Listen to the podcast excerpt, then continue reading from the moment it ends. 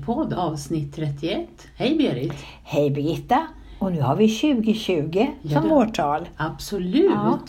Eh, Ett alldeles nytt eh, sätt att uttrycka sig. 2020 eller Ja. 2020. Och ett nytt decennium har börjat. Mm, så är det. Ja. Eh, Och vi har ja, hunnit kasta ut granen.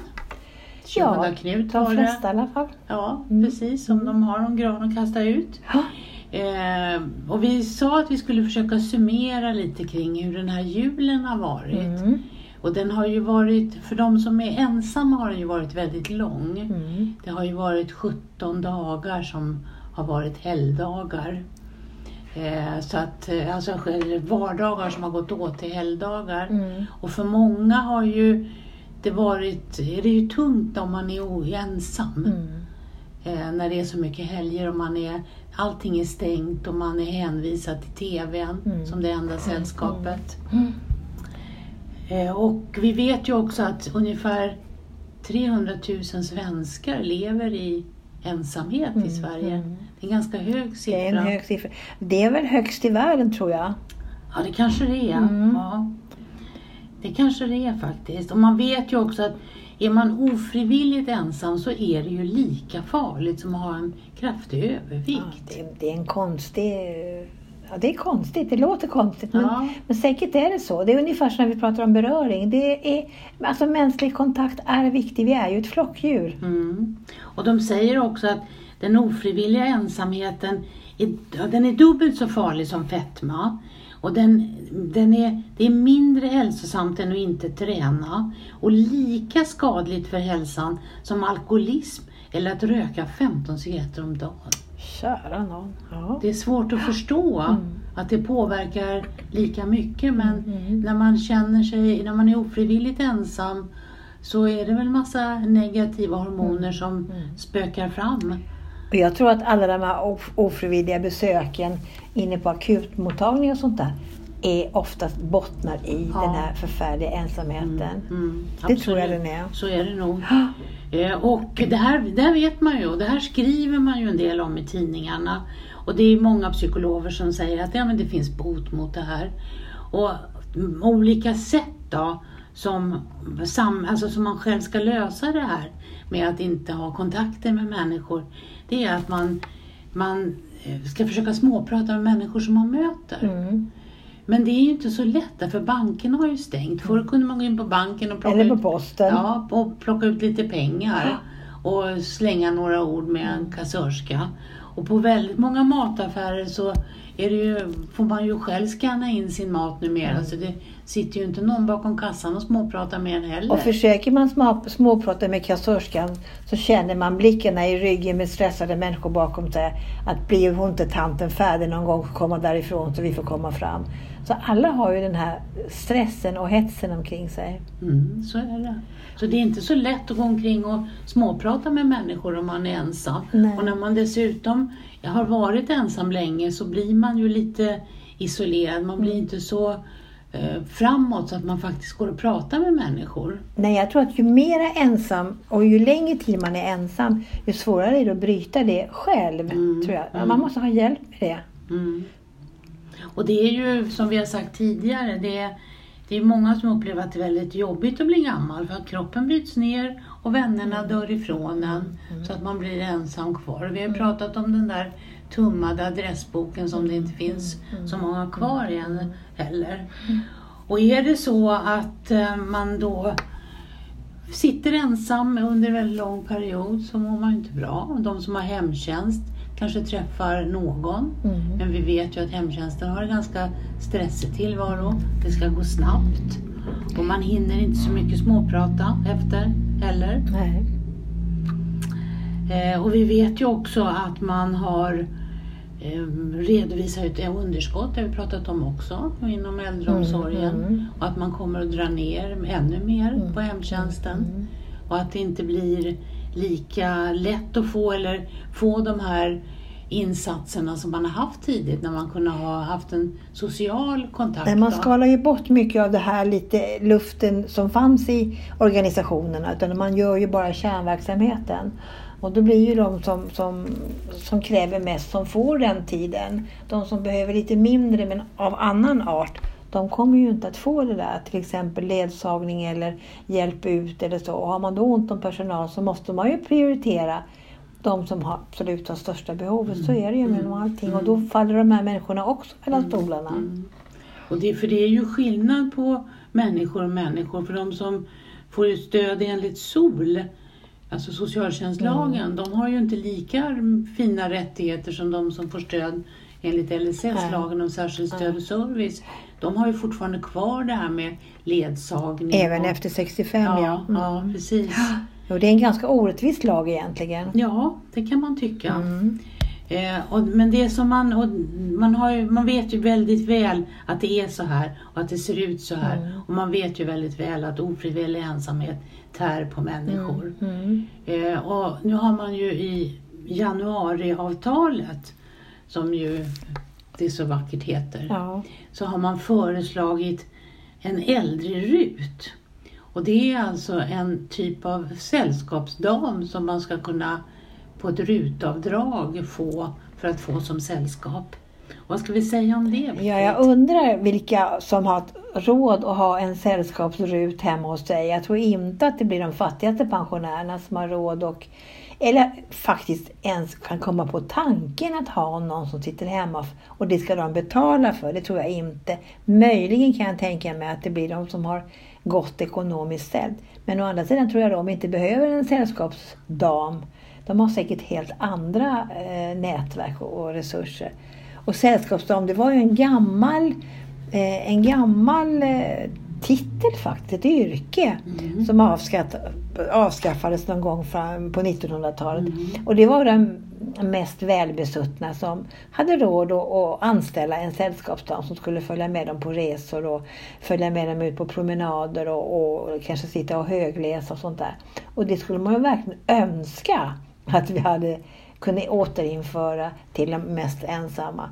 Nu finns ju en hel del sånt här på frivillig väg Eh, med volontärer men i mycket begränsad omfattning i kommunerna.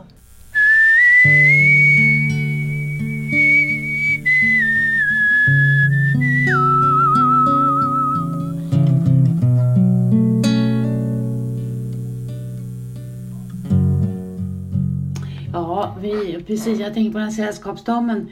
Sällskapsdamen kom ju till på 1700-talet. Mm. Och det var ju som du sa högadliga miljöer där man hade en sällskapsdam Mm. som skulle hjälpa mig med olika praktiska saker och vara ett sällskap. Mm. Och det var ju ofta flickor och kvinnor som kom från en högadlig miljö själva men som inte var gifta och som fick bli sällskapsdam. Och det ska bli spännande att se vad januariavtalet och den här rutdamen kan vad de ska få tag i den personalen som ska göra det och vem som, som säga, ska kunna utnyttja det. Det ska bli mycket spännande. Men januariavtalet är ju spännande för nu kommer ju de att tillföra kommunerna en massa resurser. Så att, men jag tror inte att det blir till sällskapsdamer. Jag tror att det är helt andra ömmande behov som kommunerna behöver hjälp och pengar Ja, absolut. För att den här sällskapsdamen hon kunde ju hjälpa till och fläkta henne med solfjäder om det var väldigt varmt. Hon kunde vara värdinna vid mottagningar. Göra hennes sömnadsarbeten. Så Okej. att det såg ut som det var hon som hade sömnat och Ja. satt väl bredvid och tittade då. Ja. Och ehm, hon kunde ge order till tjänarna som fanns och närvara vid tillfällen när det skulle ha varit opassande för en kvinna att vara ensam. Så att det fanns ju många saker de här, de här sällskapsdamerna fick göra. Men ehm, ja, de försvann ju som du sa vid 1900-talets början och det berodde ju på att det kom ju andra yrken Ja, som precis. man sökte sig istället till. Jag tror inte riktigt att det är som, det som RUT-avdraget kommer att, att, Nej, eh, menas med. Men, men det är lustigt i, i den här eh, att man ska göra det är ju så enkelt egentligen. Egentligen är det ju bara så att man ger hemtjänstpersonalen eller pers personer i kommunerna i de olika verksamheterna lite mera luft i tillvaron så skulle det mycket kunna lösas bara på det. Mm, mm. Det skulle inte behövas göra en massa utredningar för alla vi vet ju Mm. att de här människorna är ensamma och de behöver ju den här lilla stunden att någon bara kommer in och ser dem och, och, och pratar bort en stund. Mm, och som vi har sagt tidigare, den lilla klappen på axeln. Ja. Och bli berörd och, bes- och sedd. Ja. Att man kommer in och säger Hej Birgitta, hur är det? Och det tar ju inte lång tid. Nej. Och det räcker så våldsamt långt Mm, mm. när någon vet vem jag är och faktiskt bryr sig om mig. Mm. Eh, jag tänker på, tillbaka på den här sällskapsdamen. Både du och jag såg ju ett tv-program som handlade om en kvinna Mm. som långt upp i åren Ja, vad tror jag till? Ja, över 80 när, hon, när, hon, när hennes husbonde dog. Ja, just det. Hon var, hon var någon slags... Hon var piga. Ja, hon var piga kanske. Och det här var ju så sent som 95. Mm. Och hon levde en ganska torftig tillvaro, den här kvinnan. Hon bodde i ett litet rum, hade inga egna saker tror jag. Nej, ingenting. För när ingenting. han dog då Fick hon ingenting. Nej. Fick ingenting, ingenting med sig. Nej, hon fick skaffa sig en ny tillvaro. Mm. Fick hon göra, men Ja. hon hade inte massa saker. Nej. Och hon hade ju inget nätverk överhuvudtaget. För hon hade ju levt för den här eh, läkaren och hans fru Mm. i ett, eh, hela livet. Mm. Som, hon kom dit som ung flicka. Mm. Så hon var ju också någon form av ja, kombinerad sällskapsdam och, och, Mm. och piga och Mm. allt vad du vill. Så att, eh, mm. Men det finns ju många frivilliga insatser, Berit, som har gjort väldigt mycket fina insatser över Absolut. julen. Ja. Det är ju många eh, restaurangägare som Mm, har mm. öppnat upp och haft bjudit på vad heter det, Julbord, ja. på sina restauranger, Mm. bjudit in utan kostnad. Ja. Eh, och det har ju varit eh, folk som har bjudit hem till sina egna hem. Mm. Mycket julklappar har man samlat in. Mm. Det var, jag såg också ett reportage på någon, de hade, jo, det var på Arlanda. Så har man en julgran där man kunde lägga julklappar. Eh, och det kom ju jättemycket resenärer Mm, med och så skulle man på julklapparna skriva då vem det passade för. Om det var en flicka eller en pojke och vilken ålder. Mm. Eh, och ehm, då delades de här julklapparna ut till olika organisationer. Mm. Var Stadsmissionen som ju Ja, hade någon, någon eh, fika till julen. Det var ju också julbord och sånt. Då. Så det är ju många som har gjort mycket Ja, och det görs mycket ute i kommunerna. Och man, man hör ju den här guldkanten som många sprider. Att man, man genom väntjänster och genom kyrkan och genom Mm. och Röda Korset och, sådär. Så visst finns det massor. Men det finns ändå många människor som inte nås av det här. Och Mm. det är de vi ömmar mest för. Mm. Och jag tror som du säger att det bo- borde inte vara så svårt. Och det kostar så lite att kunna göra de här människorna lite mera glädje. Och de skulle ju må mycket bättre. Och det skulle ju vara samhällsnyttigt. För som, som vi sa i början, fetma, Mm. det är dubbelt så farligt som, som fetma, alkoholism och allt vad det här nu är- innebär, den här ofrivilliga ensamheten. De skulle ju må mycket bättre och vara mycket friskare och kanske kräva mindre sjukvård helt Mm. enkelt. Precis, och det var som vi också har sagt Berit, det här med att eh, de som har haft väldigt dåligt ställt genom livet, Mm. de har ju inte haft, har ju antagligen lite svårare med sociala kontakter, Mm. eller de har inte knutit lika mycket Nej. sociala kontakter. Därför att de har inte haft råd att vara ute på gym och på resor och Nej. gå och fika och så. De kanske har haft sådana jobb så de har helt enkelt inte orkat heller när de har kommit Nej. hem och varit ensamstående förälder kanske och, och fått skött det där själva och, och inte har orkat. Och sen så blir det så att när de sen eh, går i pension så blir de ju ännu mer ensamma. Mm. Och vi, vi pratade ju i någon podd om det här fantastiska erbjudandet i Helsingborg Ja. där man fick eh, bo gratis i Mm. ett ny, nyproducerade lägenheter Ja. som en stiftelse erbjöd Ja. eh, 20-tal äldre människor att bo Mm. gratis i.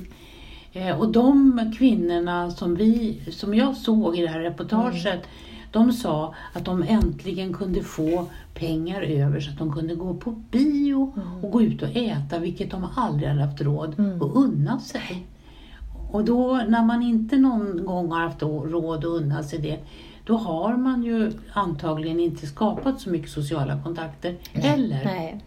Och det är de vi, det är de vi tycker väldigt Mm. synd om och det är de som man skulle vilja göra någonting. Men i nästa podd, Birgitta, Ja. så har jag eller, varit i kontakt med en förening Mm. som jag ska berätta om. Ja, det ska som bli väldigt spännande. handlar om mycket positiva eh, kontakter och som inte behöver kosta så himla mycket. Och men det är klart det finns en eldsjäl som det alltid gör i de här sammanhangen. Men det ska vi prata om i nästa podd. Absolut, och vi ska försöka hitta andra eldsjälar som vi ska berätta om. Ja. Som gör jättemycket för våra äldre. Och det är det vi vill sprida. För Mm. vi, vi tror ju att ju äldre vi blir så försvinner ju vännerna. Mm. Och den där lilla tummade telefonboken eller adressboken, den, där får man stryka allt flera namn. Mm. Så vi hoppas ju nu att vi ska kunna sprida ett, ett ljusare budskap i nästa podd. Ja, för att man kan fylla på sin lilla adressbok med nya bekantskaper. Absolut. Ja, Tack för idag Birgitta.